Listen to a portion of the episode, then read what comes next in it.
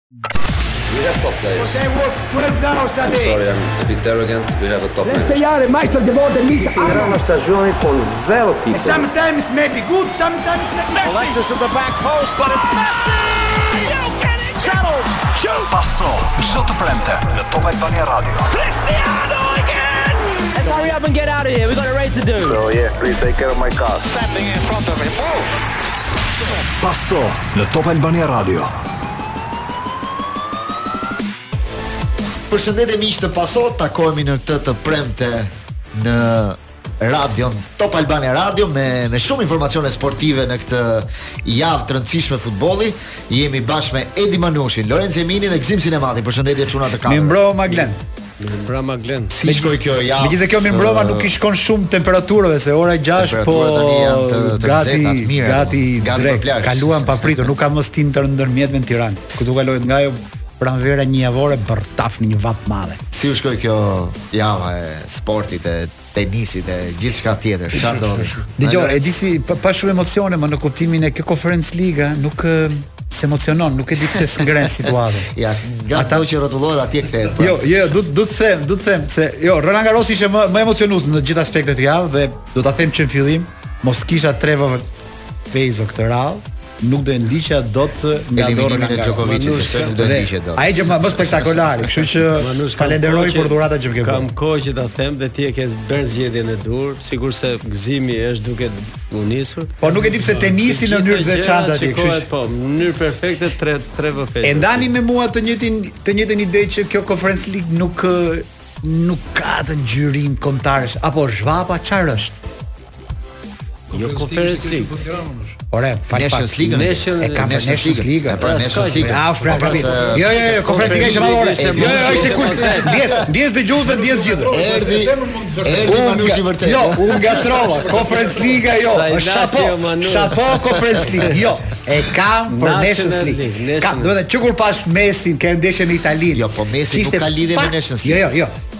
Po po merr gjithë ndeshjet e kësaj e kësaj periudhe. Do ishte pak më serioze ke ndeshjet e kombëtareve tani nuk shoh shije. Ka filluar do, do fillojë tani prit se ke të shtunën Itali me Gjermani. Po kam lexuar një intervistë të De Bruyne, doli lojtari më i mirë i Premier Ligës. Dhe Kevin De Bruyne. Tha momenti më i çmuar për mua për të bërë tre javë pushim. Po është një kupë koti, tha e pavlefshme tha që quhet kupa e kombëve, Që unë tha nuk do t'bëj tre javë tha dhe duhet të vazhdoj të luaj futboll tha në një niv me një kupë tha që unë s'ia di fare qëllimin tha që ata përfitojnë për vete po jo ne tha Këtu e qe qe si garim atëherë, artificial për këtë do të them jo. pak, jo, jo, pak. Jo, jo. Më mirë një ndeshje miqësore. Ta shpjegoj historikun e Nations si u krijua. Nations League u krijua si efekt i i shmangjes ose eliminimit të ndeshjeve miqësore. Sepse te ndeshjet miqësore UEFA nuk ka të njëjtin impakt që ka në një kompeticion. Dhe ndaj është krijuar. Nuk është se kanë, ndaj nuk ka ndonjë do ndaj UEFA do që ndaj dhe nuk ka ndonjë interes. Të gjitha të drejtat televizive ata t'i kontrollojnë. Eksakt, eksakt. Dhe ata t'i shpërndajnë pastaj tek ekipet lokale. Dhe e di kur e kuptova që UEFA do të fusë çdo gjë që kur pashë atë kupën me që mori Leo Messi që përqafoheshin ata CONMEBOL-i. Po. si quhet ai i Amerikës Po, po. Latine. Amerika- Kon- Amerika e me- Jugut. Kon me me këtë, bërë. sepse bën një lidhje gati mbi FIFA-n. FIFA ishte si ishte, ai, domethënë UEFA takoi drejt për drejt me atë, duke lënë FIFA-n më njanë, Po. dhe UEFA do çdo top që lëviz në Europë të ketë logon e saj, ngjyrat e saj, hotelet e saj, ato që thua ti ke sfidanti sportiv, makiazhin e saj, që kur ne luajmë pastaj ndeshjen finale të Kupës së Shqipërisë, zhduket makiazhi. Ja, ja, ishte kështu. U larguan Ti- gjithë. ti- Ti e the, ti e the ke gazeta jote.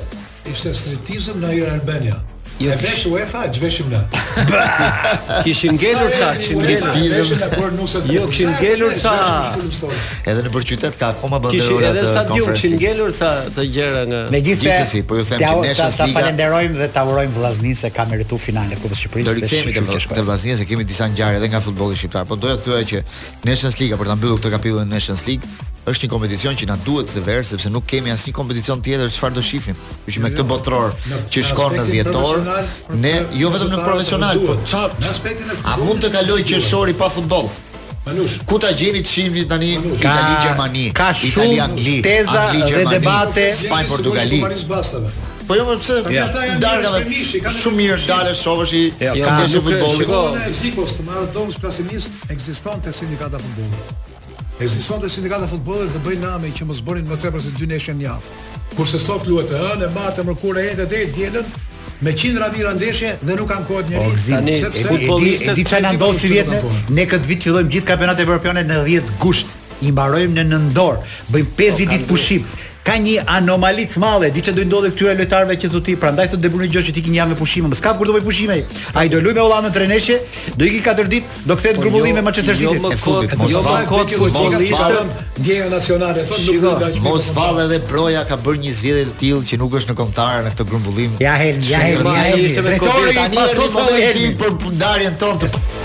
Jemi rikthyer në paso në këtë pjesë të dytë për të vazhduar diskutimet tona rreth futbollit, rreth sporteve, çfarë ndodh në këtë javë. Do doja Edi bashkë me Gëzimin edhe Lorencin që të diskutonim pak edhe mbi verdiktet e fundit të kampionatit ose të futbollit shqiptar, sepse u zhvillua edhe ndeshja e kupës finalja ditën e martë në Air Albania ku Vllaznia mundi Laçin me rezultatin 2-1 duke siguruar kështu pjesëmarrjen në Europë, pra do kemi Tre skuadra që marrin pjesë në Conference League që janë Laçi vendi i dytë, Partizani vendi i tretë dhe Vllaznia si fituese e kupës dhe Tirana që do jetë në Champions League si kampione në fuqi. Spostoi pra, Kukësi në të gjithë këtë histori, në të gjithë këtë histori që ndodhi në këtë kampionat, Kukësi mbas që nga viti 2014, pra mos gaboj 7 ose 8 po, vjet, nuk, nuk arrin të marrë pjesë në Kupat e Evropës dhe është një zhgënjim duhet thënë për për skuadrën e Kukësit dhe për presidentin Safet Gjicin që në këtë vit edhe pse ndërtoi stadiumin e ri, kishte një trajner italian, bëri një skuadër me shumë pretendime, nuk arrin dot të kapë as Europën. Dhe sot, gjatë kësaj jave më saktë, ka patur disa zhvillime në lidhje me me Kukësin sepse ata larguan Longon nga detyra dhe tani në stol është ulur Skënder Gega që rikthehet për herë të dytë te Kukësi, aventura e parë nuk shkoi mirë sepse ai pati dhe një problem shëndetësor me Covidin,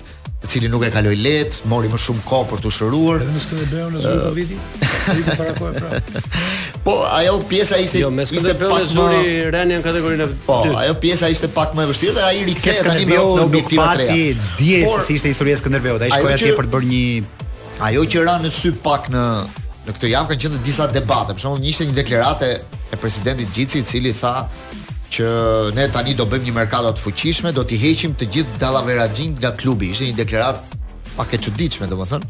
Kemi patur shumë të tillë thotë, mosmirënjohës dhe i kemi pastruar, por sërish ka njerëz thotë që kanë dëmtuar rëndë klubin tonë. Ka qenë një nga deklaratat që ka bërë zoti Gjici gjatë kësaj jave. Nuk e di ti Gëzim si e ke parë. Ja, ka kam parë kështu edhe kam dëgjuar një çik Me shumë çudi. Deklaratë fortë për dallavë pa emër. Dallavë e ka lidhje me t'i vësh emër patjetër. E ka lidhje me ka lidhje me stafin drejtues, ka lidhje me lojtarët. E paqartë është. E ka lidhje edhe me ata që kanë blerë lojtarët, e ka lidhje edhe me brenda klubit. Ka lidhje ai duhet ta gjejë edhe ke vetja e vet, sepse kur rrinte pranë klubit, ka ndryshuar dhe rezultatin, ka përmbysur Kuksi rezultatin kur dëgjonin zërin e tij. Pra, tani problemi është. Do të bësh të gjitha dhe lojën politike, dhe lojën e futbollit, ah, edhe stadiumin. Problemi nuk fitosh të gjitha. Problemi i Gjicit është që e di që ka një hierarki politike, e di që ka një hierarki futbollistike. E di që presidenti është i paprekshëm, është i pakënaqur po se ato do të pakënaqësin presidentin. Do t'i pranojë gjithë verdiktet që i vijnë pastaj. Perez te Real Madridi, e di kush është Perez, është nga ndërtuesit më të mëdhenj që ka. Po di se Real Madridit 24 orë 24. Kurse Safeti nuk mund të shtypë butonin, të ikë andej dhe pastaj. Edhe Safeti është nga ndërtuesit më të mëdhenj në Shqipëri. Nuk është nga ndërtuesit. Kevi Konstruksion është një firmë nga më të rëndësishme në Shqipëri. Safeti tashi ka qenë nga pjesa tjetër, ka bërë lojën tjetër, kur ka qenë pranë futbollit, Kuksi ishte në vendet e para, ajo diskutonte Evropën. Megjithatë do të thoja që është bërë stil ke presidentët tanë, edhe i Dinamos para ca kohësh tha që Ma ka marrë ekipin peng, janë njerëz të tillë tillë s'i vuri emra.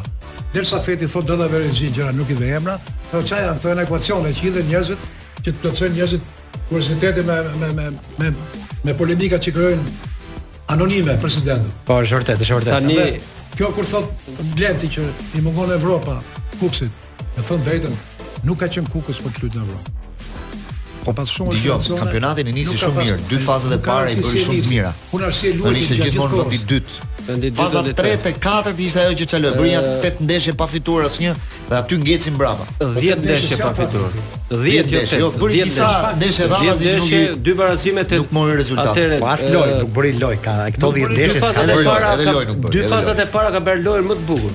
Nuk po e vë në dyshim se orën e orën. Dy fazat e tjera. Ne po diskutojmë për Kuksin, presim nga Kuksi ose dim për shpatën atje. Jo, deklarata, deklarata e zotit Gjici ka qenë shumë e fortë dje, edhe kundërpërgjigja e Longos sot Po ashtu ka qenë me ai bëri një ka qenë shumë ai ka dhënë dhe gjatë kohës që ka qenë trajner deklarata të forta kur në Po Demaskus ka qenë. Që një që një trajner shqiptar longo, longo. apo apo një aktor tjetër i kampionatit shqiptar nuk i bën. Po pra një i huaj ka këtë kurajë. Sepse ai ka thënë herë pas here që këtu është xhungël, ç'është ky arbitrim skandaloz që i ka kritikuar ashpër. Nuk e di se sa e ka pasur lejen e Gjicit te kjo pjesë sepse dihet që po s'more lej te ata që ke lart e vështirë t'i bësh këto deklarata. Dhe por sot deklarata që dha Longo që ë presidenti ka njerëz të paaftë në klub që i bëjnë raportime për ecurinë e ekipit, një dhe dyta që lojtarë të rinj që ka spiun, ka spiun me pak fjalë dhe lojtarë të rinj që paguajnë 2000 euro për të luajtur ose për të stërvitur me ekipin e parë të Kukësit, janë deklarata shumë të forta që duhen marrë seriozisht.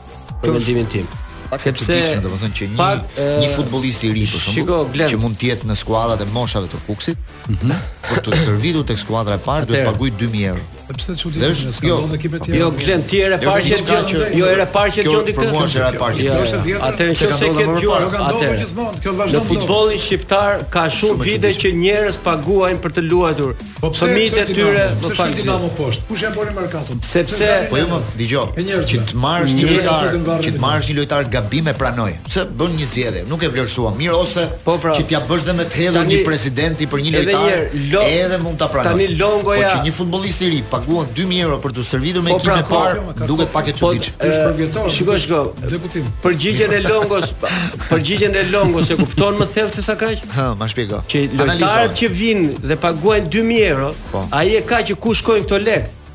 Lekët merren nga aktorë të tjerë që janë brenda klubit.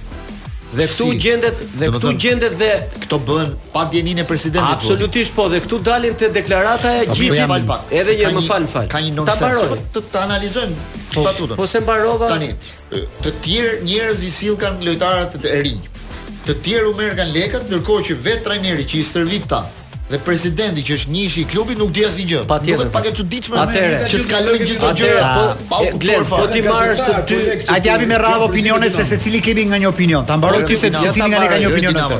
Lorenzo, po t'i shikosh të dy deklaratat dhe të zotit Gjici dhe të Longos janë fiks aty ku duhet. Hmm. Gjici thotë të pastrojmë dallaveraxhinjtë, po. po. Ndërkohë, ndër, sepse e di që u bëkan këto dallavere. Po pra ja thanë. Dhe Longo sot thotë që po, bie dakord që aty ka dallaveraxhinj. Po. Që derisa e sjellin njerëz. Po, shiko. Që ato që fjala fjala dallaveraxhi e presidentit Gjici mund mund të ketë shumë konotacione të klubit, shumë konotacione dhe mund të ketë shumë hallka të klubit. Për shembull mund të jenë lojtarë që nuk i impenjohen. Po ai s'tha një dallaveraxhi me skuadrat e tij, ti mos e kanalizo tek kjo pjesa. Ai ka thënë në numrin shumës dallaveraxhi, që do thotë të ketë dhe ashtu siç thua ti. Në këtë aspekt po doni kam unë një ide dhe po, po, opinion shumë të qartë, kam qejf ta hedh ta diskutojmë. Jepi. Dhe po e marr individualisht në rastin e Kukësit. Kukësi po të flas për presidentin apo dhe për trajnerin, nuk i hy fare në sy një 2000 eurosh që pagon X. Absolutisht, po. As nuk do po, donte po, që do... të mendonte që ka një gjë si kjo në skuadrën e tij sepse është ekonomikisht një skuadër e shëndetshme. Ne e dimë se presidenti ka biznese pafund. Ke një skuadër minore me një president hallexhi, edhe mund mund ta bënte. Në rastin e Kukësit jam i bindur që kjo gjë s'ndodh. Por çfarë ndodh? Ka një fenomen, Redi Jupi mund ta di dhe shumë më mirë se ne. ë uh, presion prindërish, Se ky është një treg pastaj shumë i vogël që ka çunin, ka bërë shumë gola dhe këtu ngatërrohet ose je Maradona ose je Mesi që të merr ai, ose je ku di unë Xhixha dhe Seferi dhe nuk ka diskutime, ke një kategori më poshtë futbollistësh që diferencat nuk janë kaq abisale nga njëri lojtar shumë i mirë ke tjetri, dhe kjo klasa punëtore e futbollit futen këta menaxherët e vegjël gjys dallaverexhi. Ça bën? Një që ka talent por nuk është një talent i jashtëzakonshëm, po një tjetër ka më pak talent si ai, ky ka babin që pagu 2000 euro, ky ka drejt të përgatitet aty, ky i gjori përfundon Pra po ky fenomen ka kohë. Kjo gjë ka kohë në futbollin shqiptar. Po ka shumë kohë. Por presidenti nuk e di një një zë aty thotë dëgjo filani ka paguar, mund të ketë shku prindi, more çuni im ka pagu 2000 euro ka kaq kohë dhe s'ka luajtur. Presidenti ka drejt të indinjohet. Ka drejt po pse ça po ndodh në vendin në në në klubin tim. Ore Manush, pa një histori akoma e bukur se Gzimi e di më mund ta thotë Gzimi më të saktë, se e di më mirë. Po thua më saktë. Do ta thuash apo do? Për çfarë e ke fjalën? Që këtu këtu në ekipin kombëtar te moshat, një X personi tha ore dhe un kam dhënë lekët te filani për ta e di Gëzimi më të jo, saktë apo jo jo do të thënë se s'dua t'i jo, të them emra jo të pa mirë pra mirë jo jo jo, jo deklaratë e papërgjegjshme nuk e jo, kam jo s'është fare e papërgjegjshme emrat nuk e kam që luan një që mund të luajë një lojtar po unë s'do të them se e pranoj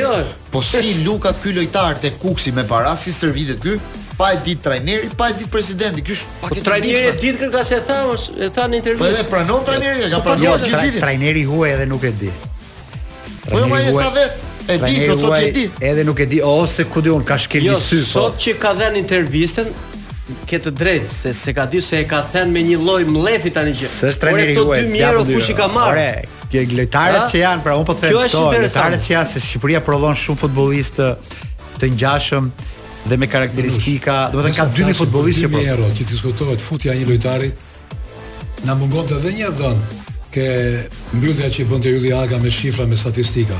Të bëjmë dhe një klasifikim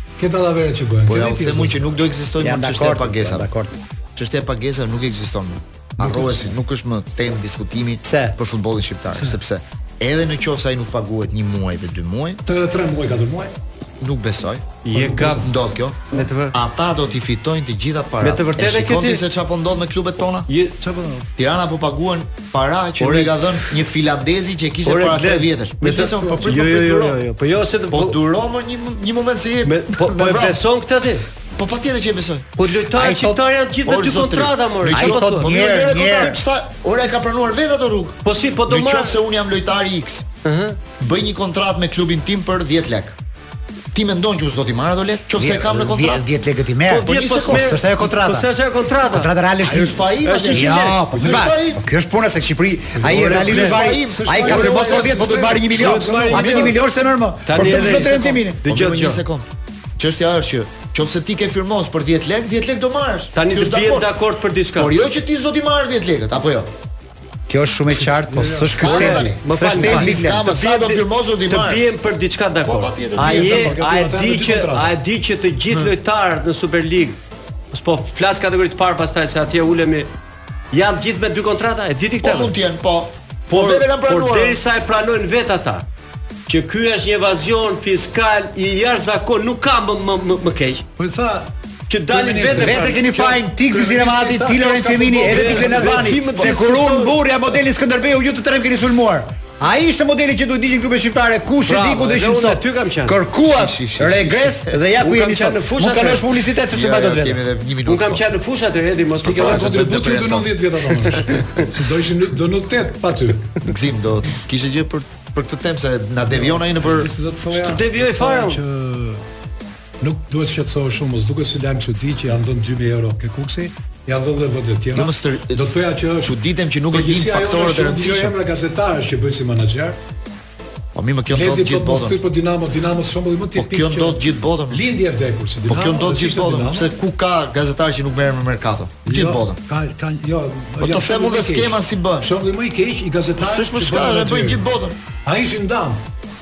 Në Itali, gazetari merkato është gazetari është menaxher i maskuar, nuk është menaxher i pastër, përballë është i maskuar. Ja, po mirë Glend, edhe edhe edhe kjo nuk është fare normale jo, që po, po thua ti. Po është normale, jo, po ndodh. Po si është na, si është skema do na, si është skema për shembull në Itali me ç'e di ti. Jo, jo, jo. Po skema është nxjerr 3 herë në gazetë,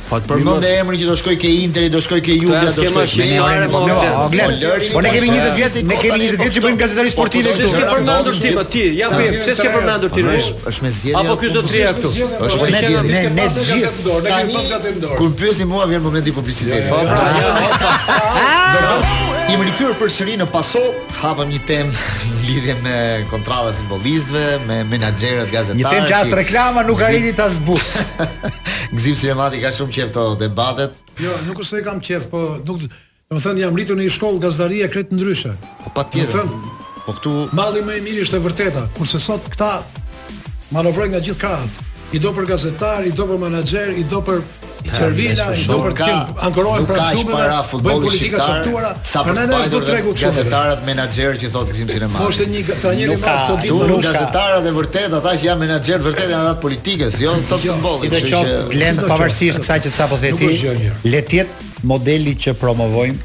ai i Gzim Sinematit si model. Gjithë fat Manush për ne janë për brezat para dhe për brezat mbrapa. Por mos kujtojmë tani se këtu po ndodh nami. Jo, jo, s'ka rëndsi, po kjo marrveshja, marrveshja me të vërtetën që promovon Gzimi, është edhe marrveshja me të vërtetën që kemi ne në shtëpinë tonë mediatike, kështu që po. le të rrimë ke ajo. Pastaj sa i varfër futbolli shqiptar, se sa lek luhen në një menaxher futbolli shqiptar, secili prej tyre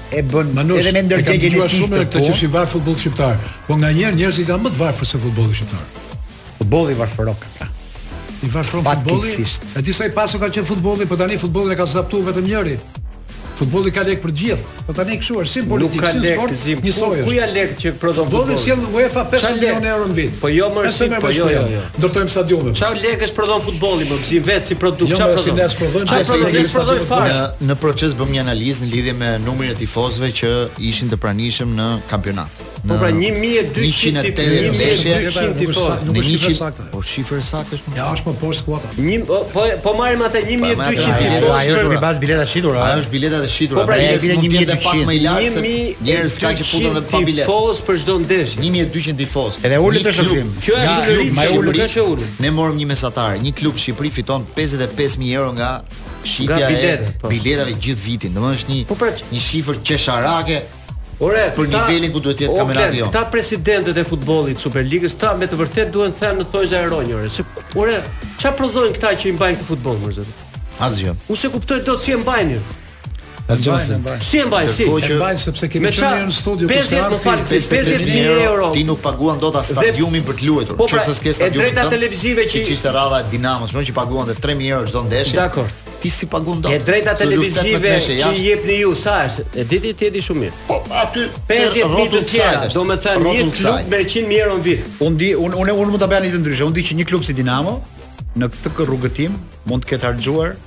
700 mijë euro. 1 milion euro. I ka shkuar 1 po, milion. Po 1 milion po. E tmerrshme që ka shkuar 1 milion. Paga, hotel, rrogat lart, të gjitha. 1 milion që kanë dalë nga xhepat e investitorëve dhe këtu ke të drejtë ti që Dhe s'kan marrë asnjë lek. Ata patjetër që ata në një farë mënyrë mund të konsiderohen heroj në po, mënyrën po, e futbollit. Mund të kenë defektet e veta në bërjen e punës, po ndërkohë lekët i kanë nxjerrë nga xhepi. Puna është si bëhet që nxjerrja e këtyre lekëve nga xhepi Ore, të bëhet paktën në mënyrë marrësh- të, ku di unë, të të, marrësh kanalizuar. lekët e tua. Edhe ore, a tha ky zotëria këtu, Gzim Sinemati, për skuadrat në Angli të fundit ato që bien nga kategoria, që marrin, unë s'po them 200 milionë se ne nuk kemi këto nivele. Po, Po, marrin që- një shumë, po. shumën e mbijetesës, shumën e vazhdimësisë, shumën e ribërjes Po projektit. ata prodhojnë lekë Këtu po ke ne- Manush, o Manush, prodhojnë lekë ata. Dëgjoj Manush, po ka një ekip që bie në Championship. Është është, është plot stadiumi, pra. Është një gjë Manush, ka ardhur presidenti në studion tonë disa herë, edhe thoshte në futboll ne humbasim. Edhe i thamë, po mirë, sa bizneset tonë bën këtë këtë. Atje, nga krahu tjetër del fitues, dhe del me humbje. Pse nuk falimenton ti këtu humbjen? Pse vazhdon ti të dalësh me humbje? Dhe e pranojnë të gjithë të dalë në humbje. Ç'është kjo? Është pasion, është dashuri, dalësh me i bie që punët e tjera jo. mbulojnë futbollin, ose futbolli në të zezë mbulon futbollin në të bardhë. Ka ndërthurje interesash 100%. Që rrin aty. Kjo që sapo the është ndërthurje e vetëm dyre interesave. Po unë do i gëzohesha në këtë rast ndërthurjes interesit të karakterit politik. Ç'është ndërthurje interesi karakterit politik. Ti merr ku di unë një punë publike diku dhe me një marzh të asaj punës publike mban një skuadër. por të përdorësh ti pastaj ekipin tënd për të bërë punë të zeza si ato që ne i dimë dhe për të cilat jemi dënuar, në rast se ka një mendësi si kjo akoma, kjo është po kriminale dhe kjo është një rrugtim mbrapa po dhe zoti na ruajtë. Kështu që unë do kërkoj një çik qetësi nga juve, sepse të dielën është 5 qershori dita e ambientit, ku ka ditë më të rëndësishme se kjo Gzim. se ta duam natyrën dhe ambientin është gjë nga më të rëndësishmet. Dhe biotermi është nga më interesantët produkt për kujdesin e lëkurës, për suksesin e që lëky thot i lash. Ne shkuam me mor që të ënë. Por çdo produkt të përfunduar e kthen mbrapa dhe ata të kthejnë 1 euro. Është një fushatë që vazhdon deri në shtator. Bioterm e lidhur me natyrën, ta pastrojmë, ta ruajmë natyrën dhe këtë ambient të pastër ku ne jetojmë. Që nga plazhi deri në Theth, kemi një natyrë të mrekullueshme në Shqipëri. Ata bosët e biotermit e kanë parë dhe këtë fushatë botërore thelbin edhe qendrën e kanë vënë në këtë rast në Shqipëri. Mos iu ndani të dashur miq, bioterm për meshkuj dhe femra, kuroni fytyrën, mbajeni në formë dhe të freskët, ja ku e keni Exampin dhe ndër të tjera respektoni natyrën. Ja, Jam i drejtove Lorencit apo Gzimit? I drejtohem Lorencit dhe Gzimit, se te okay. ty shof një lloj freskie, ka dy javë që e përdor dhe po. Jo, jo, ti nxehesh nga kampionati shqiptar po freskinë e ke në fytyrë. Tani t'i ndajmë gjërat. Brenda asaj që them dhe unë, sepse duket që ka liqeni për ditë, Unë e marr formë tjetër. Patjetër. Sidoqoftë, sidoqoftë. Por s'na fut montazh se na lodhe ke zakon të keq kët, puna është puna është që kjo duhet respektuar sepse kështu është historia. Ti s'pranon këtë gjë që ka këtu, kështu që jemi rregull. Ecim Glen. Kthehemi pak te te kombëtarja, miqtë e mi, të futbollit shqiptar se të hënën fillon kjo Nations Liga jonë me me vetëm dy kundërshtarë që do kemi përballë në në grupin tonë eliminator, do jetë vetëm Islanda e para dhe Izraeli skuadra e skuadra e dytë. Ndeshjen e parë ne do ta kemi me me Islandën të hënën në orën 9 pa një çerek dhe ndeshja e dytë do jetë ditën e premte në orën 20:45 në stadiumin Air Albania kundër Izraelit. Këta do jenë dy kundërshtarët tanë. Po, po për Islandën ka një Gëzim Sinemati, se ka një gjë interesante. Ky kujtoj që këtë po. këtë është vërtet që apo oksigjenit, po ai se di se Këtë biotermin ja edhe Irma, edhe ka gjithë përgjegjësi nga biotermi, po. Do ta thotë, do ta mësoj më vonë. Izraeli çfarë ishte? Na trego çik te Izraeli? Ama është i lashtë Manush. Është i lashtë. Para se shkojmë ke Izraeli është një fakt shumë i bukur Manush për Islandën, e peti? Po, Islanda është e para kundërshtari. Portieri i Islandës ka bërë lajm të madh gjithë botën, mhm. sepse kishte një ritual Manush që godiste me shkelm portën dhe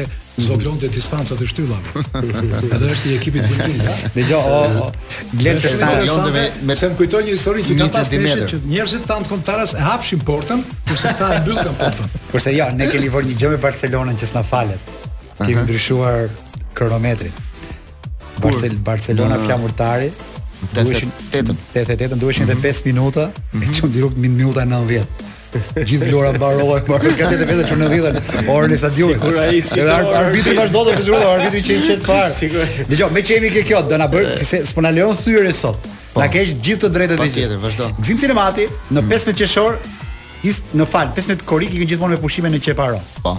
Shi çfarë ritual interesant ka. Djali i vet i dhuron një arkë me verë të bardhë, që preferon Gëzimi dhe ka shije dashuruar me atë.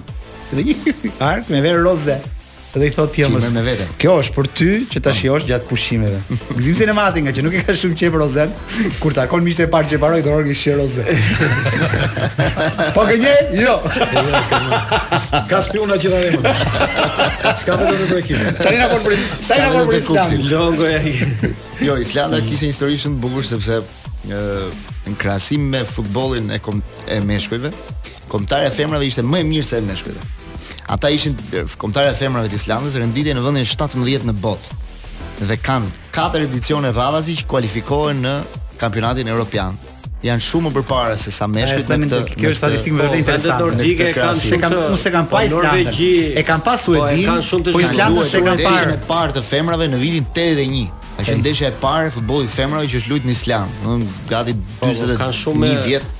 Kanë më përpara që ata ecin domethënë në këtë ritëm. Kanë traditë. Edhe në mediat vendase më shumë shkruhet për kombëtaren e femrave të futbollit sesa për kombëtaren A të futbollit si është, ekipin e meshkujve. S'është çudi tani se. Që duhet thënë që në këto vite e fundit ka bërë një ecuri të mirë sepse është kualifikuar në të njëjtën Islanda ajo që dole të hënën po ne kualifikuar në të njëjtin europian për herë të parë me ne Islanda që ajo ajo ajo e rituali pra 2016 e vazhdoi në 2018 prap duke u kualifikuar në botëror por pastaj nuk arriti dot të kualifikohej më tej, por gjithsesi tani duket në një fazë ristartimit të kombëtares, ka një kombëtare relativisht të re në moshë. Mosha mesatare është diku rreth 23-24 vjeç dhe trajneri i tyre është një trajner i ri, 44 vjeçar, i cili karrierën e tij si si personazh e ka bërë më tepër në Belgjikë me skuadrën e Cercle Brugge, me Lokeren që ka mësuar mm -hmm. edhe trajnimin dhe tani Nga kombëtarja 21 vjeçarëve vjen në kombëtaren A që nga viti 2021 që e drejton këtë kombëtare dhe quhet Arnar Viarson. Është një familje futbolli, sepse dhe dy vëllezërit e tij, edhe i ati janë marrë më përpara me futboll dhe kanë luajtur edhe me kombëtaren e Islandës në kohën kur ata kanë qenë futbollistë. Se duhet duhet thënë gjithmonë Glen që është në nivelin e një kombëtare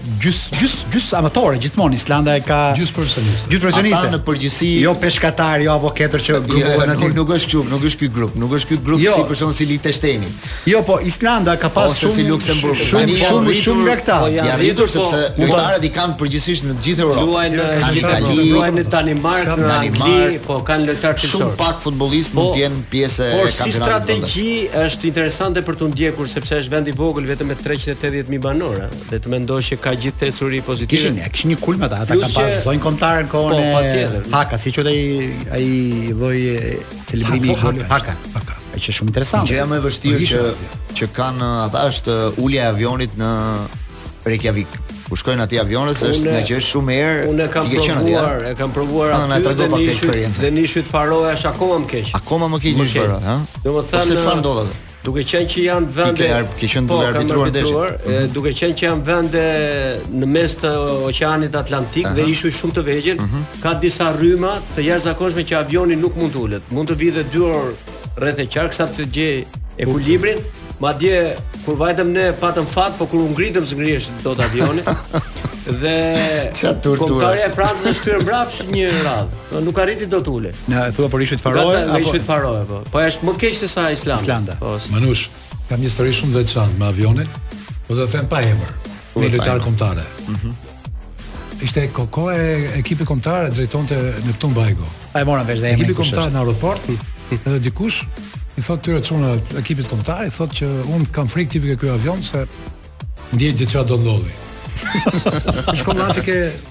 Bajgo me bajgo kap lojtaret dhe i thotë, ç'janë këto fjalë tha?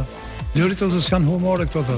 Pse mendon kështu tha? Ba. Ika unë profesor tha, se e kam pa këtë ndeshje. Iku nga frika ai se Po dhe. ishte historitë e veta. Po është si Iku film, dhe gjithë ka film kombëtarja- amerikan që më kujton kjo. Gjithë kombëtarja ma, ma kujtoi Lenci që Po. thoshte drill në ajër. Gjithë kombëtarja dridhej. Ishin lidhur me rryp dhe s'para bëri më bëj një tjetër. Kur arritën atje në vend, tani zoti filani tha. I kishte pa në ëndër tha, nuk i doli ëndra tha. I tha njëri, po sikur ta ketë para ëndër për ngthim. Tërkon me data të luarin atje. Edhe ndeshja sa doli pas ndeshje? Një një humbi është sikur. Një humbi me dridhje. Lorenz, ndërkohë që të përpara se shkojmë tek edicioni informativ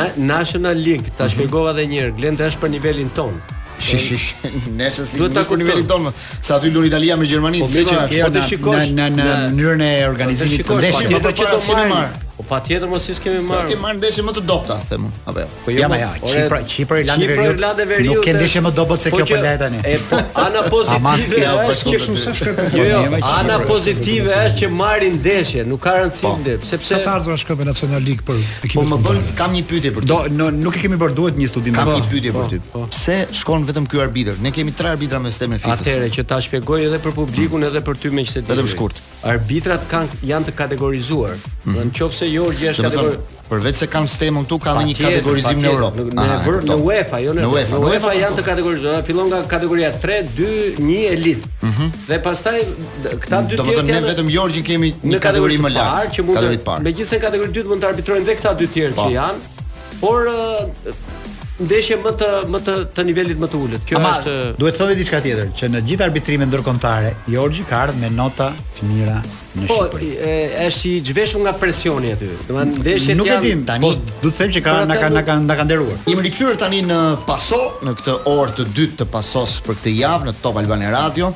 Dhe fjala për ty Manush kemi jo, një sa herë që sa herë që kujdesemi ti 77 asnjë se kavin 77 gjithë shkojmë shkojmë 1 minutë më brapa po 7 angelet gzim dhe po qen kur më sheh kështu si habitur e di pse shoh si habitur më përpara doja 7 për Ilir Përnaskës tani po më pëlqen 7 nga ty 7 ju edhe ti 7 mban dhe gjao po mirë po ti ishe kanë atje numër 7 do të ngjashme për Ilir Përnaskës është e madh e di kë kam të të diel në galeri mund ta themi Glen patjetër mund ta zbulosh një dinamovit dok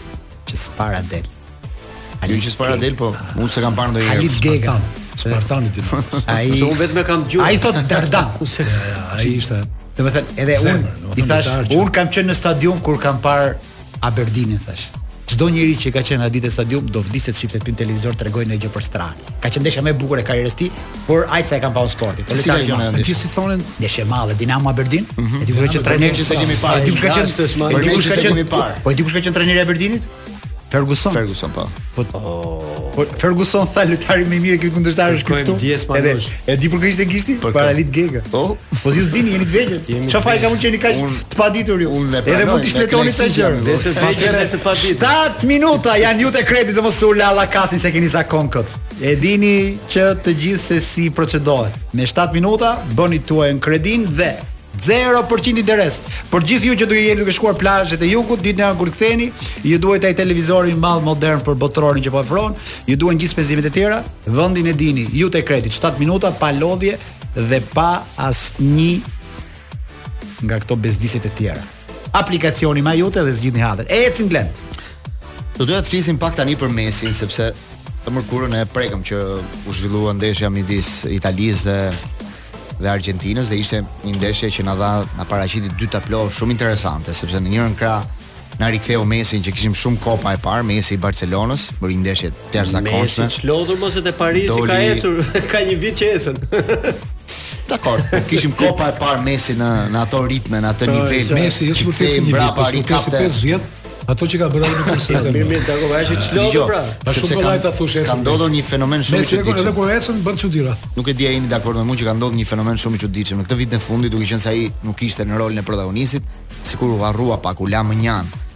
Më shumë flisnin për Benzeman që bëri kampionat me Real Madridit, më shumë flisnin për Mbappen që do shkonte apo jo te ja, Real Madridit. Ja, Manushi pak më parë. Dhe e la me sinergji. Që bëna natën dalin nga froni dhe hypën në Karazin. Po. Të gjithë harrohemi një ditë. Domethënë ishte një harresë shumë e dhimbshme. Dhe për të thënë të vërtetën, ditën e mërkurë, ndeshja që ai bëri ishte me të vërtetë e jashtëzakonshme. Nuk bëri dot gol me gjithë rastet që që krijoi po ishte i jashtëzakonshëm. Ndeshjen e Messit i jashtëzakonshëm me Argjentinën. Hmm. Që ai s'është i lumtur në Francë, ka bërë zgjedhje të gabuar. E ka thënë. Ai ka qenë në një moment i jashtëzakonshëm. Ai lexoi këtë fytyrë në ndeshje të atij niveli, sepse ai zakonisht e dominon ndeshjen me inteligjencë, por këtë radhë, sikur kishte qejf që mos të mbaronte ndeshja, ta luante në atë nivel aq të lartë, edhe në një moshë kur ai është nuk besoj dot që shiko, ti jemi të pritë që Messi të shkojë. Disa detaje interesante për shembull, ça pa shumë ndryshe nga Messi i Parisit. Për shembull kur doli skuadra në nxemje Argjentina, Messi ishte i pari, gjithë lojtarët i ishin nga mbrapa. Ishte një pamje, domethënë që na udhëheq, thon komandanti. Ai është kapiteni. Në momentin që doli, mbaroi ndeshja, Ai nuk bëri dot gol, nuk është se shumica e dinin që ai do ishte lojtari më i mirë i ndeshjes, në përgjithësi zgjidhet një lojtar që bën golin. Gjithë lojtarët e morën dhe hidhnin lart. Në prap një gjest që Bra, ai është gjithë skuadra e ka e ka si farin ndriçues përpara. Momenti i kupës pastaj dihet se ai është kapiteni, domethënë gjëra që nuk i ndodhin tek Parisi. Te Parisi duket sikur vëmendja është shumë e shpërndarë, pak Neymari, pak Mbappé, pak Pochettino, pak tjetri, pak Donnarumma, pak Sergio Ramos. Kurse këtu ai ka 10 luftëtarë mbrapa që janë gati të japin shpirtin për atë dhe ai përpara që Po pse duhen ja ja kjo është ajo që ajo që më bëri përshtypje ndryshe nga ndeshjet me me, me Parisin në Francë. Historia shkon gjithmonë aty ku nis. Domethënë te parat në futbollin e sotëm. Sa e dëmtojnë ato, dhe sa sa herë ato bëhen penguese për për për shijet tona. Ky zotëria këtu që quhet Gëzim Sinemati, gjithmonë jep leksione jete. Edhe diskutonte me dikë që donte të shiste biletat më shtrenjtë tifozëve të Feyenoordit dhe i tha, "Ore, tha këto 2000 euro që do fitosh ti, tha do të bëjnë të pasur." Jo, tha ai po po fitoj. Po nuk do ishte më mirë ta t'ia dhuroj atij ta të bëj një mike, ti kisha ta takoje në Holland, ku i dihet ti. po e dëgjoj se kjo, dëgjoj. Kjo, e thën kjo. Po më po, e thën kjo se ky është modest, po dëgjoni mua se isha në tavolinë me këtë, se ky s'ka çfarë t'ia përmendësh. E thën kjo.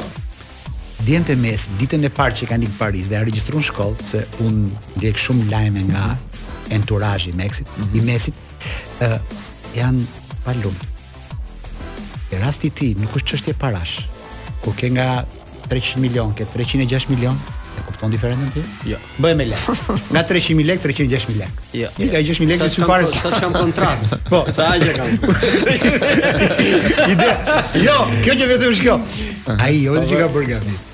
Dhe kur i ka thënë gazetari duhet të rrije me 0 ke Barcelona se do të fitojë. Gazetari më i madh spanjoll. Do fitojë më shumë se ke Parisi. Ëh. Uh -huh. Do ndaheshe si zotni nga kjo gjë, nuk është çështje lekësh ke Barcelona ishe mbret, do ishe mbret. Kalamajtë qenë të lumtur, kanë lindur atje janë katalanas në thelbin e çdo gjë. Të gjithë gabojmë një ditë më. Jo, jo, Ai bëri këtë zgjedhje dhe në Barcelonë nuk mund se flasin tani orë po sikur Messi nuk kthehet pa ai e mbaroi epokën. Edhe ky futbollist është në fazën e fundit të karrierës së tij. Unë se di në Katar. Manush. Do jetë në Katar, patjetër po sa i dozifikuar do jetë, po flas në aspektin sportiv futbollistik, një kampionat të egër si ai. Kur u ndërrua emri i stadiumit të Napolit nga San Paolo dhe u vu Maradona, nuk ishte aq e kollajshme. Se fundja e fundit ishte emri i një shenjti atje. Dhe ka një gazetar shumë i mirë napoletan, thoshte dhe San Paolo do na do na kuptojë pse po e bëjmë këtë ndryshim. Domethënë flitej që hiq një shenjt dhe vë një shenjt atje. Ta ishi ai e humbi imazhin atje. Shumë njerëz të mëshur në Barcelonë, domethënë nuk e thonin që më mirë të kisha vdekur se nuk e prisja që Messi një ditë të na linte për këtë arsye, si sot. Dhe kjo ka bërë që Messi s'është bërë asnjëherë Maradona. Në Argjentinë ai s'është Maradona, s'u bë dot shenjt. Maradona ishte Maradona ishte shumë i veçantë, domethënë Messi është i veçantë vetëm brenda futbollit. Ai ishte i veçantë dhe nga jeta që bënte. Ti Gëzim, ai ishte një special kudo. Ti Gëzim na ke marrë, pusho një sekond. Ti Gëzim na ke marrë në qafë ne ditën që ke. Një sekond, ditën që ke shku Napoli na ke marrë në qafë. Pse? Se ka një dashuri të frikshme për napolitanët nga ana jote.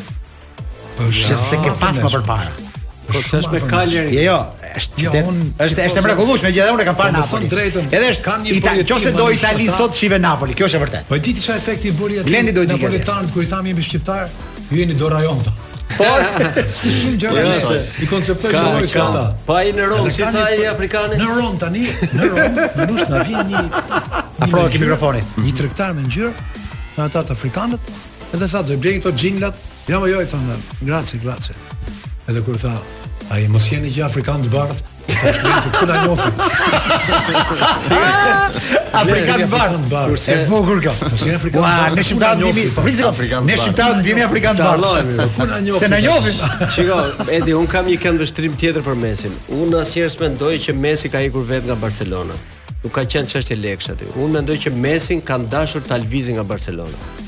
Dhe e them këtë sepse mendoj që cikli i Messit te Barcelona mbaroi. Ata donin të hapnin një cikël të ri dhe sikurse e hapën. Dhe mendoj që në çdo ekip, sado i madh të jesh, individi përsëri nuk ka forcën e e grupit. Barcelonën po ta shikosh kur ishte Messi vjet nuk shikohej me sy, ë? Po ishte edhe moment i vështirë. Nuk shikohej me sy, okay.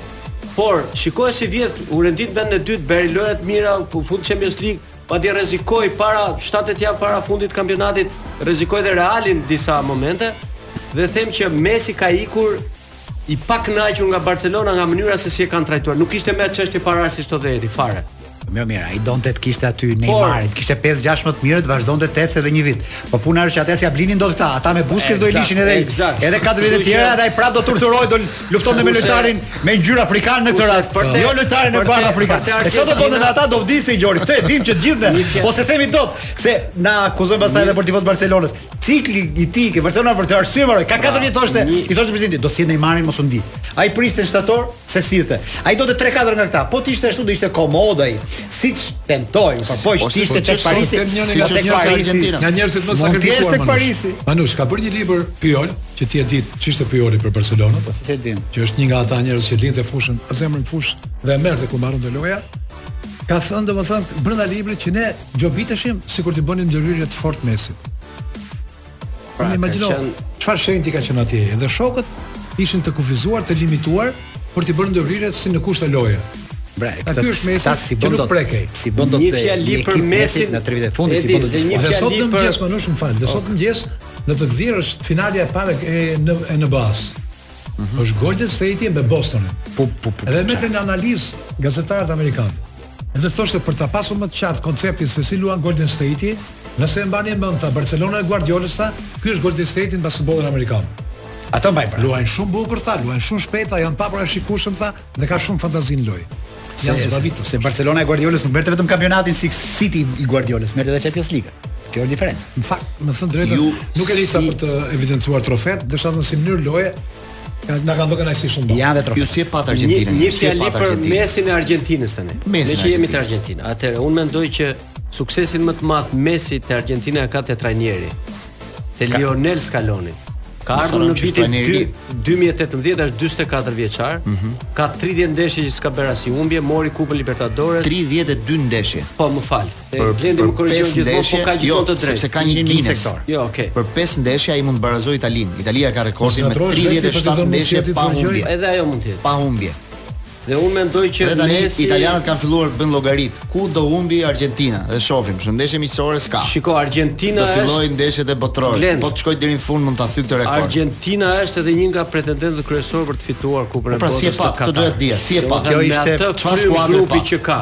me atë një skuadër që i lejon vetes vetes vetë që në minutin e 88 fusin në lojë Dybalën do të thotë që është një skuadër që serioze, një skuadër që pas ka alternativa pa fund për njëri që shef vetëm këtë informacion.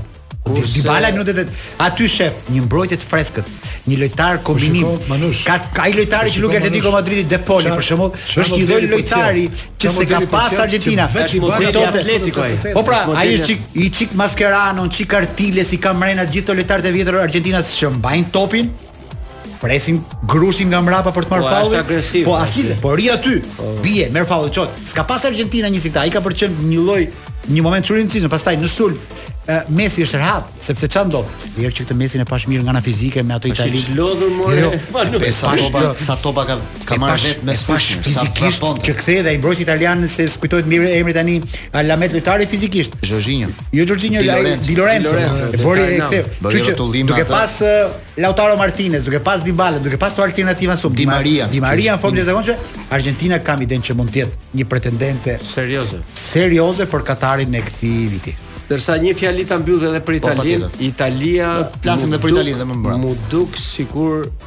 po vuan dhe jo do po vuan, po do t'i vuaj shumë gjatë pasojat e eliminimit nga Kupa e Botës. nga Maqedonia. Dhe gjatë gjithë këtyre dy ditëve ka se, patur se... reagime pa fund, sepse thon njerëzit si ka mundsi, kjo skuadra ka fituar Europianin. Po, kjo sepse jemi vetëm një vit. Heqin, ata duhet të heqin, ata duhet të heqin xhaketat dhe atë krimin që lyn këtu, se kur pash ato fytyrat aty të po, gjitha plazmuara, po, që nga Mancini ke Oriali. Jo, Po ti pa një fije jo, fije e bardh të flokut, jo, ndryshe nga gjithë ata. Jo, ata janë ata janë të lezetshëm në këtë pikë, po aty që aty e pash që sa do vuaj kjo Itali. Mancini për sa do kër, sa do tentojnë të kërkojnë lojtarë me ngjyrë të natyralizuar italianë dhe nuk do gjejnë. Se janë kujtu vonë në këtë biznes. Kam kuptuar gjë që kanë disa nga të rinjtë. Po s'u përplasën fizikisht me këta, kanë disa të rinj. Ka rënë Serie A, ka rënë kombëtarja italiane, ka rënë gjithë sistemi aty në disa të rinj siç është Gnonto, është një futbollist nga Bregu i Fildishtë, që është vetëm 18 vjeç, është kapiteni i kombëtares U19, që është bashkuar me ekipin dhe me shumë mundësi do luajë disa aty duhet të fillojë disa minuta në këtë ndeshje. Ata në rast se s'fusin shqiptarë në kombëtare do ta kenë shumë keq. Po ata për shembull kanë larguar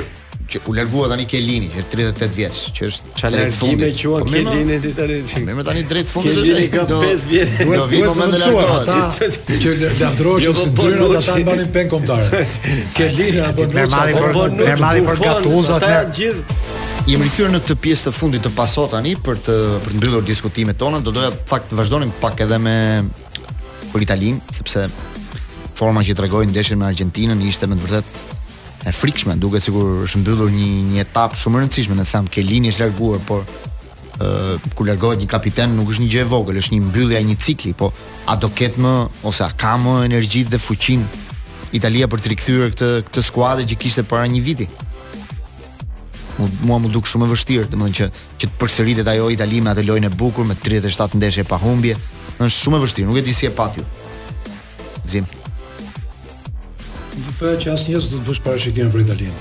është ekip shumë i çuditshëm. Fiton kur s'e meriton, edhe humbet, edhe humbet në këto rrethana domethënë shumë e çuditshme. Tani erdhi Italia në këtë pikë të hallit që do iki Kelini, do iki ke Më përpara ata thonin qanin kur ikte Baxho ose Del Piero, sot po qajnë për mbrojtjen. Po jo, jo, se po qajnë, po jo, thjesht analizën e Italisë, pse ka ndryshuar kaq shumë, thotë që e zgjatëm shumë me dyshën e mbrojtjes. Edhe me Bonucci, më përpara që ishte Barzali, Blendi? Po. Barzali, Bonucci, Kelini, dua të them kanë E kanë futur një gol shumë të rëndë. Portierin Buffonin dhanë shumë një brezi shumë të madh të rritur. Nuk janë treguar kurajozë si francezët me moshat e reja me mbështetje për talentet dhe them që siç bëri siç bëri Juventusi vetë modelin. Momenti që bleu Ronaldon i ktheu kurrizin ti bën. Manushi bie në çdo. Momenti që i Ronaldo i dha shiu. Oh, është Benjada, mund të hapë Benjada jo, si jo, të jo, kërkoj ndjesë. Jo Benjada. Oh, Beni Tesoro. Ja, shikon. Siamo a passo, siamo a passo. A po na ndjek, o zemra ime, të marr për pak, mirupafshim suksese Beni. Ciao, ciao, ciao, ciao. Edhe Beni që Beni është e papar. Për një shoqe shumë të re, ndërpret shokun më të vjetër. Jo, e di pse, se ti flet me shumë me shumë me shumë nostalgji për Italinë. Se po, edhe mos qenë. Se jo, bën krahasim me Francën, tu talentet Franca talentin respekton.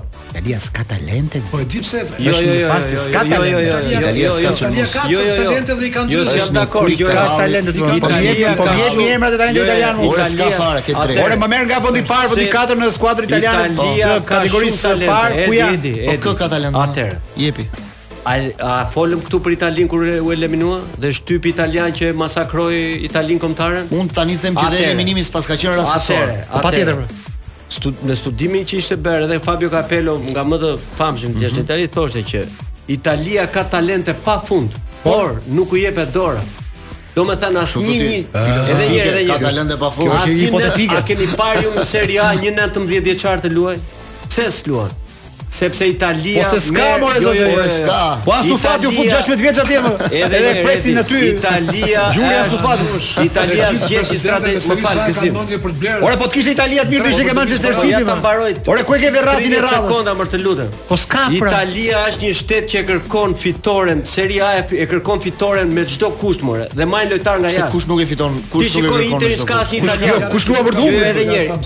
por nuk u jepet more dora, nuk u jepet uh, mundësia.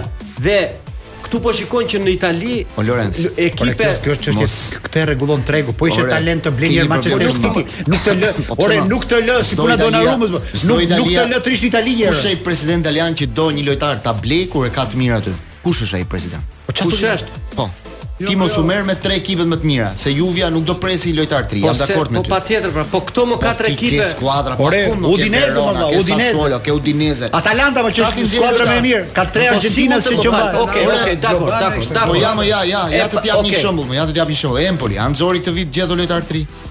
A ishin dhe dy lojtarë të rinj, ishin lojtarë të kombëtares. Do ta jap përgjigjen. Bajrami dhe Asllani. Do ta jap përgjigjen. Apo kërkohen nga skuadra më të mira të Italisë. Do ta jap përgjigjen. Po. Këta po, janë e ardhmja. Ka nuk ta dhe kur them po pra. Do fusin shqiptar po, kombëtares në Shqipëri Italia. Po se bëri gjisa para sa kohësh. Po se bën ata tani. Po da kort po shqiptarë aty. Asllani dhe Bajrami. Ku të Asllani italianët? Ku t'i futësh në kombëtaren italiane kur ke Bonucin dhe dhe Kielinin ke 25 vjet?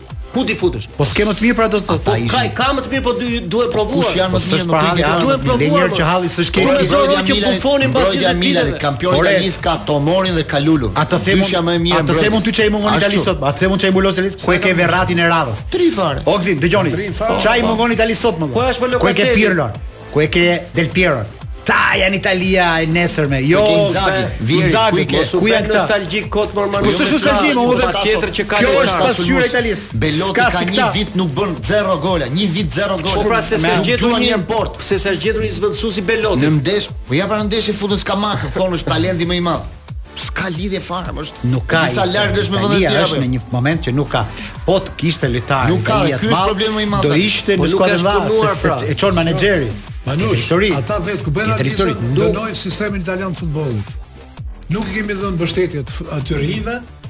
Jemi shumë të dashuruar me të huajt, i duam gjërat shumë shpejt, i duam gjërat gati dhe, dhe është fenomen botëror. Po kjo bëhet në politika me gjithë turp, jo, këtu i punon tregu. Po ata s'janë dakord jo. me Arsenalin që shkëlqeu gjithë sezonin dhe dështoi në fund, edhe thonë çfarë duam këtë ekip 15 vjet që na argëton me futbollin e vet dhe nuk fiton asgjë.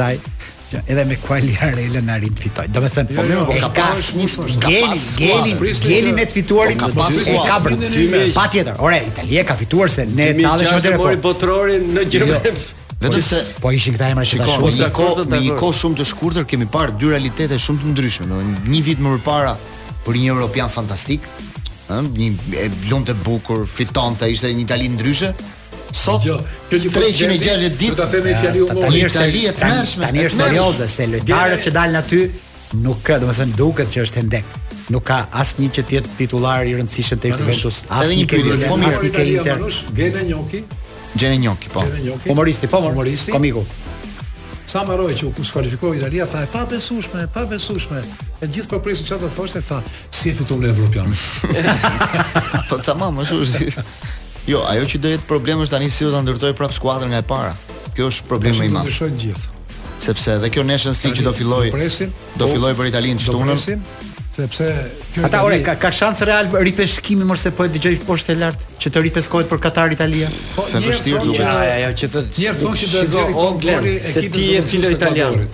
Dëgjoj, e di pse kam dëgjuar këtë dhe pastaj për çfarë kam jo, kam filluar ta besoj, ata ikin me vrap po t'i thërrasin.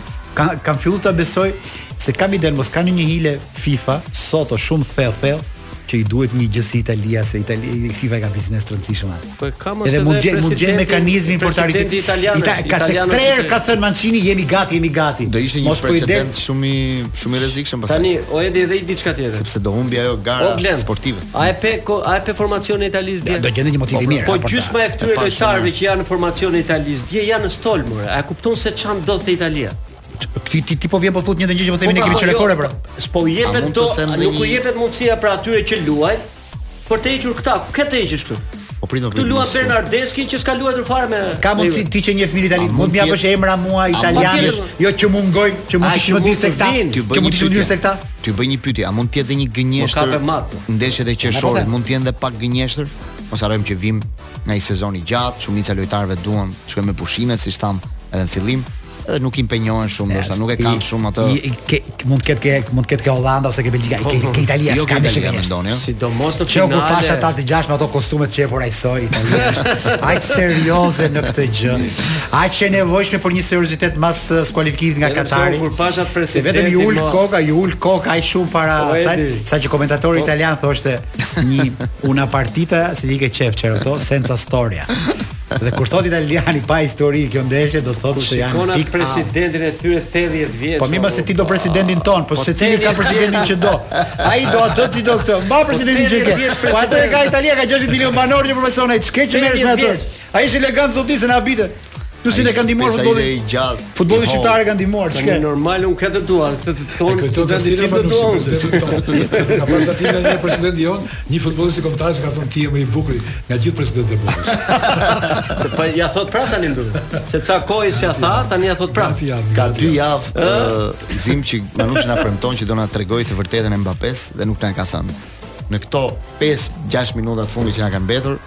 Propozoj që ai të na e thotë tani pse Mbappéja qëndroi në Paris.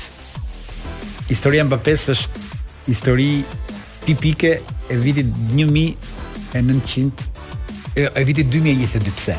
Sepse nuk ka lidhje fare me asnjë aspekt futbollistik. As ideja që gjoja ai ka mashtruar gjatë gjithë kohës, Tani bën sikur interesat e Francës, Macroni, gjëra si këto të mëdha, mm -hmm. lojërat olimpike të Parisit e kanë marrë atë si ambasador, e kanë bërë si të plotfuqishëm që ka të drejtë të heqi trajnerin, të heqi Neymarin, ta bëjë si Messi kur dojë. Trajneri do jetë vasal i Mbappé. Po, e jëma vetë e jëma vetë që më e zgjuar që e menaxhon gjithë këtë gjë, arriti të thotë fanatik të Realit Madridit, bën sikur është tifoz me atë ndërkohë që Reali e merrte kupën e kampionëve ai bënte si lojtar që i dhimbte një çik zemra për Realin. Gjithë kjo është një Një histori e stisur, dihej që në fillim ai ndenji ke Paris Saint-Germain për një lek më shumë. Real Madridi është zotni klub. Vjet shkon i ofron kur kishte edhe 3 muaj kontrat 180 milionë euro në tavolinë. Sheiku. Vetëm për ta bërë fer gjënë. Pastaj mos ta arriti blinde me ofertën. mos ta blinde me parametra zero. T'i thoshte këtij zotri unë do e marr këtë, ky ka shprehur simpati. I kishte thënë që do Se i doli Real hapur, Madridit. doli hapur ai. Dhe tha ja ku i ke lekët që mos duket që po ta marr me parametra zero mbas 3 muajsh. Jo, tha ne jemi njerëz e e babai Neymarit, ne jemi njerëz të fjalë e, e, e Mbappes. Njerëz të fjalës dhën.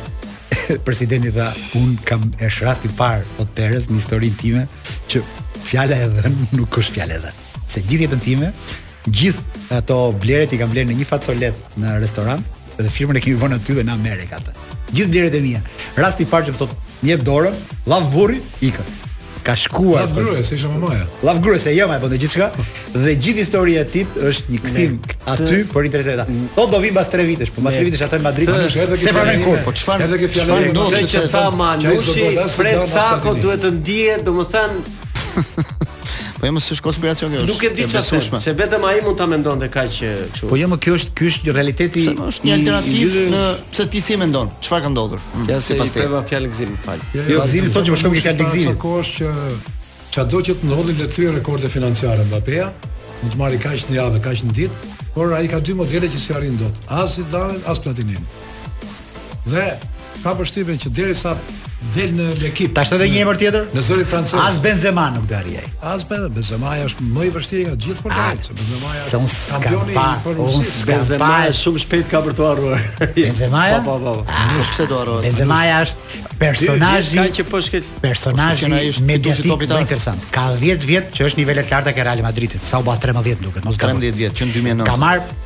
Champions Liga nja 4 a 5. Pasi këto këta. Një sekond, një sekond. Topi i artë tani një. Ej, ai di çfarë bën ai? Ai është ai njeri që ditën e agjërimit bën atë fotografi me një got ujë dhe me dy hurma të Arabis dhe di se sa ndjekës ka ai në gjithë botën arabe, ai është simbol i njerëzve që luajnë futboll sot. Vezën, vezën që bën Benzema. Se Benzema ne do. Ky zotëria që vë pasionin, milionin, pasionin milionat e duan gjithë ata që merren me lekët futboll. Ai arriti t'i japi Real Madridit fytyrë humane. Real Madrid është skuadra më kapitaliste në botë, bëri që Reali është pasion, është futbolli lirik. Paris Saint-Germain janë milionat. Në fakt, nuk është 100% kështu. Dhe mos harro, pra kjo është e para herë që ai është po njohim Manushin e vërtetë. Mohikani i fundit, sepse ai u ble në një periudhë kur blen. Por jam i jam i jam kompleks si figurë, po çat bëj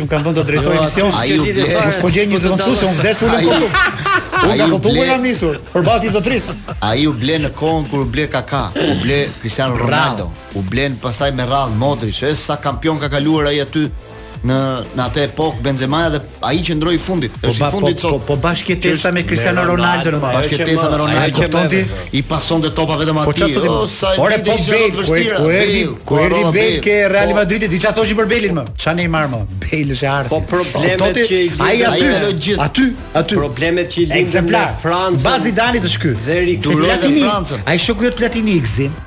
U u bë çik u, u bë çik pis. Jo, jo, Manush. Në zyra? Platinin apo zyra? Shumë pis. Harro Platinin që ta jepte Sul Starova në telefon ty kur kur shkote në përmbledhje në Paris e kështu gjëra. E vërtetë është kjo gzim ka ndodhur kjo? Ua, kë ka folur me platinin?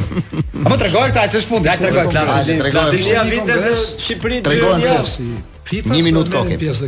Mhm. Starova dhe Platinia, gjithë figurat e futbollit botëror. Edhe më bje telefoni mu dhe flas me Starovën dhe më thotë do të të bëj një dhuratë. Tha çfarë dhurate? Foli Mishel Platinis. S'e besova që Platinia, kur e dëgjova nga zëri nga to, u mbush mendja që është Platinia. Ciao, Jimmy, jo kështu është. Le, Blater po flet. E ka pa një votë në Shqipëri. Po, po, edhe doli Sula tha hamër, tha si u ndodhe. E bëre që e bëre tash, po pelen e ke afër. Shiko, vetëm se Platinia është zot një burrë, Platinia vinte në Shqipëri për, për inaugurimin e kompleksit jo, jo. Kamës, do ai ka per... ardhur Tani nuk e ne, ne, ne, nuk ne, nuk, nuk kemi askush ne që ta ulim poshtë, sepse jo. realisht është një emër i madh, por te zyrat ai pati një lloj influence nga Blatter dhe hyri çik te kjo lloj politike.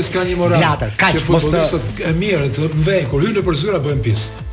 Mbaj emrin aty ku je. Jo vetëm të, jo vetëm te futbollistët. Një tjetër gjë Zidane, tjetër gjë Zidane. Disa ndeshje të rëndësishme që mund të ndiqni në këtë fundjavë, për ju që s'keni punë, sot në darkë do jetë Belgjika me Holandën, po ashtu edhe Franca me Danimarkën, të shtunën Hungaria me Anglinë dhe Italia me Gjermaninë, të dielën Çeki, Spanjë, Portugali, Zvicër dhe të hënën do të jetë Island, Shqipëri dhe pastaj menjëherë në proces për të analizuar ndeshjen e parë të kombëtares në Nations League. Ju falenderoj të treve që ishit me mua sot në Paso.